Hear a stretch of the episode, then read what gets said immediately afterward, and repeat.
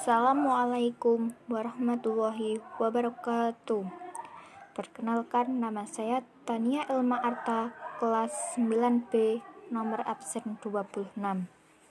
Hari ini saya akan membuat podcast dengan tema santun dalam bermedia sosial. Saat ini, penggunaan media sosial nampaknya telah menjadi bagian dari sebagian besar masyarakat Indonesia.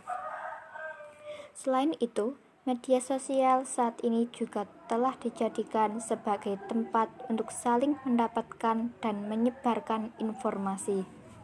Namun sayangnya, akibat dari penyalahgunaan sosial media dalam menyebarkan informasi juga berdampak pada banyaknya para pengguna yang masuk ke ranah hukum akibat dari penyebaran informasi pada sosial media yang tidak menggunakan etika.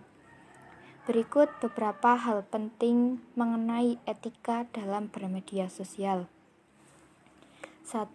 Hindari penyebaran sara, pornografi, dan aksi kekerasan. 2. Cross-check kebenaran berita. 3. Hindari menggunakan kata-kata yang kasar. 4. Jangan terlalu mengumbar informasi pribadi. 5. Menghargai hasil karya orang lain. 6. Harus sopan santun pada saat berbicara pada orang di media sosial. 7. Tidak mengecek atau menjelek-jelekan apa yang di-share oleh orang. 8. Tidak menyebarkan hal-hal yang dilarang.